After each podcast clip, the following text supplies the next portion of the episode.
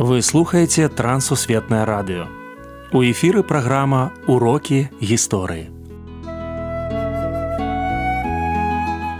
Запрашаем у падарожжа падзей, асоб і фактаў. Вучыцеся разам з намі.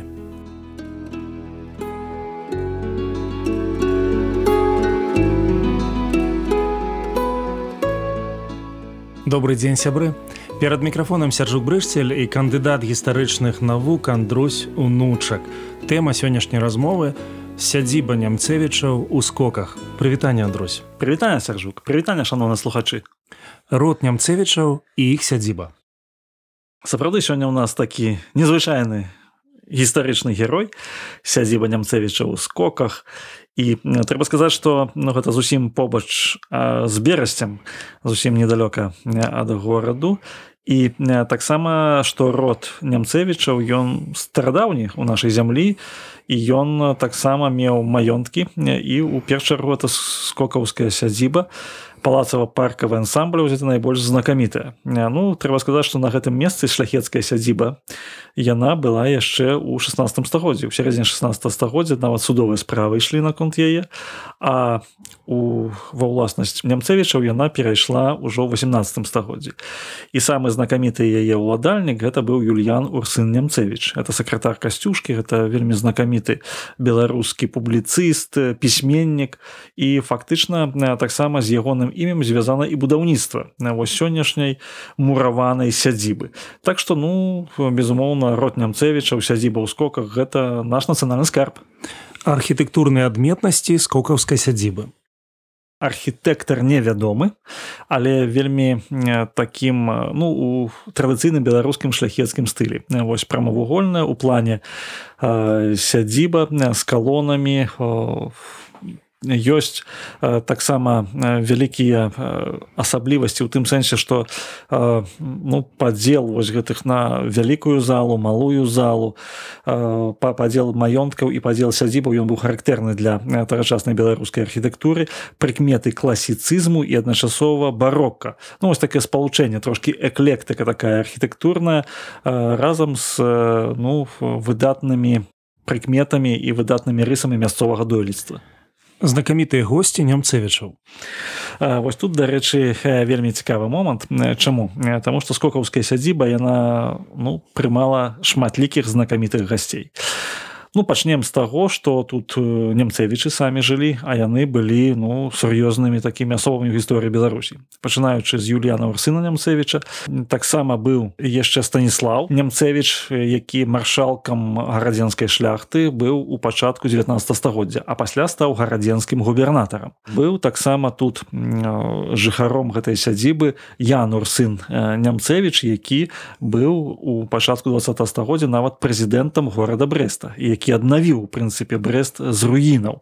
Ось берасці якой у час першай светнай вайны і савецка-польскай было зруйнавана ось яно было дзякуючы адноўлена дзякуючы намаганням роду нямцевічаў у тым ліку. А што тычыцца такіх гасцей якія былі па-за родам нямцевічаў то тут ну трэба назваць наполеона орду. Ён тут гасцяваў напісаў адмысловую карціну сядзіба нямцевічаў гэта 1877 год таксама быў сам імператор расійскі александр III 1890 годзе ён тут паляваў у белавежскай пушчы наведваў розныя славутасці мясцовыя і ну гасцяваў у сядзібе 1890 год гэта час калі фармаваўся такі военно-палітычны блок антанта. І таму якраз вось на гэтай заходняй мяжы расійскі імператор так ці інакш ён прадумаў это стварэнне такога антынямецкага блоку. Ну разам з тым не толькі з антантай звязаны якая ў прынцыпе удзельнічала першай сусветнай вайне сядзіба ў скоках але з завяршэннем першай сусветнай вайны. У час вайны тут была сядзіба штаб усходняга фронту нямецкага стаўка камандавання. Вось быў такі баварскі прынц леопольд які тут знаходзіўся. А ў 1917 годзе тут пачаліся мірныя перамовы, якія скончыліся падпісаннем берасейскага міру 3 сакавіка 1918 году. Хоць сам берасейскі мір ён быў падпісаны ў берасейскай крэпасці у знакамітай белай залі берасейскай крэпасці, але перамовы і ўся дакументацыя, тут з'язджаліся дэлегацыі з савецкай рассеі з германії з аўстра-венгрыі з балгарыі з турцыі прыязджалі дэлегацыі якія тут размяшчаліся ў скоках. І тут было выпрацавана ўсе асноўныя умовы. Спачатку прэлімінарнага папярэдняга міру а пасля і ўжо мірнай дамовы якая была падпісана ў сакавіку 1918 году гасцей знакамітых такім чынам было вельмі шмат. Апошні ўладальнік Ну, апошні ўладальнік таксама быў возіта юльян з роду нямцевічаў і сядзіба належала роду до 1939 году. Значит мы можемм дакладна сказаць что такім чынам у сядзібе адбываліся самыя розныя не толькі палітычныя падзеі але і ну па сённяшняй мовай кажучы тут вялося шляхецкае жыццё з 18 до 1939 году з 18 стагоддзя 1939 году сядзіба нямцевічаў сёння як месца прыцягнення сённяшні час сядзіба нямцевічаў гэта адно з важных месцаў прыцягнення бо яна адноўлена. Не шматлікім а сядзібам у беларусі быў такі шчаслівы лёс што яны аднавіліся і сталі музеямі. На сённяшні момант мы бачым што гэта не проста музей ёсць а культурны цэнтр цэлы. Там адбываюцца балі рэканструкцыі нейкіх военных падзей военно-гістарычных падзеяў там адбываюцца прыёмы розныя там адбываюцца касцюмаваныя шэсці такія з эпохі 18 19 стагоддзяў. Ну конечно просто можна наведаць музейную экспазіцыю гісторыя шляхецкага быту 19 стагоддзя. Я думаю што не кожны чалавек далёка падрабязна знаём а той хто хоча апынуцца в этой атмасферы і адчуць тут атмасферу запрашаем у скокі наведаць вось гэту музейную экспазіцыю Я думаю что што ніводзін навед наведнік які прыедзе ў скокі і адчуе гэту атмасферу перажыве яе ён не пашкадуе.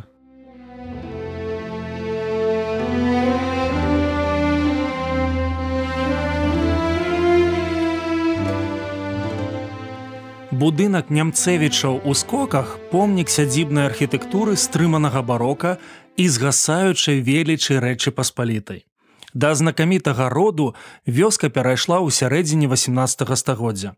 Месца ў драўлянай сядзібе для сям'і з 16 дзецьмі было мала, таму яе вырашылі перабудаваць. Гэта быў час пераасэнсавання архітэктурнай моды. Так з'явіўся сіметрычна восевы план сядзібнага комплексу. Парк перасякаў невялікі канал, да нас дайшлі толькі рэшткі парку ды палац з абарончымі элементамі. Рэстаўратары абапіраліся на дзве выявы і ўрывачныя апісанні прадстаўнікоў роду нямцевічаў. Мы можам з вами ўпэўніцца, што гэтага хапіла. Сёння сядзіба выглядае надзвычай атмасферна. Адзіная арыгінальная рэч у будынку лесвіца. Некалі ў кожным пакоі быў камін, ацалеў толькі адзін. Па легендзе у парку растуць туі, высаджаныя юльянам нямцевічам і тадэвушам касцюшкам. У 1917 годзе менавіта ў скоках было падпісана перамір'е паміж казераўскай Геррманіяй і маладой савецкай рассіі. Для сядзібы гэта стала пачаткам канца толькі 14 снежня 2013 года гэты архітэктурны шэдэўр ператварыўся ў гісторыка мемарыяльны музей і расчыніў дзверы для наведвальнікаў.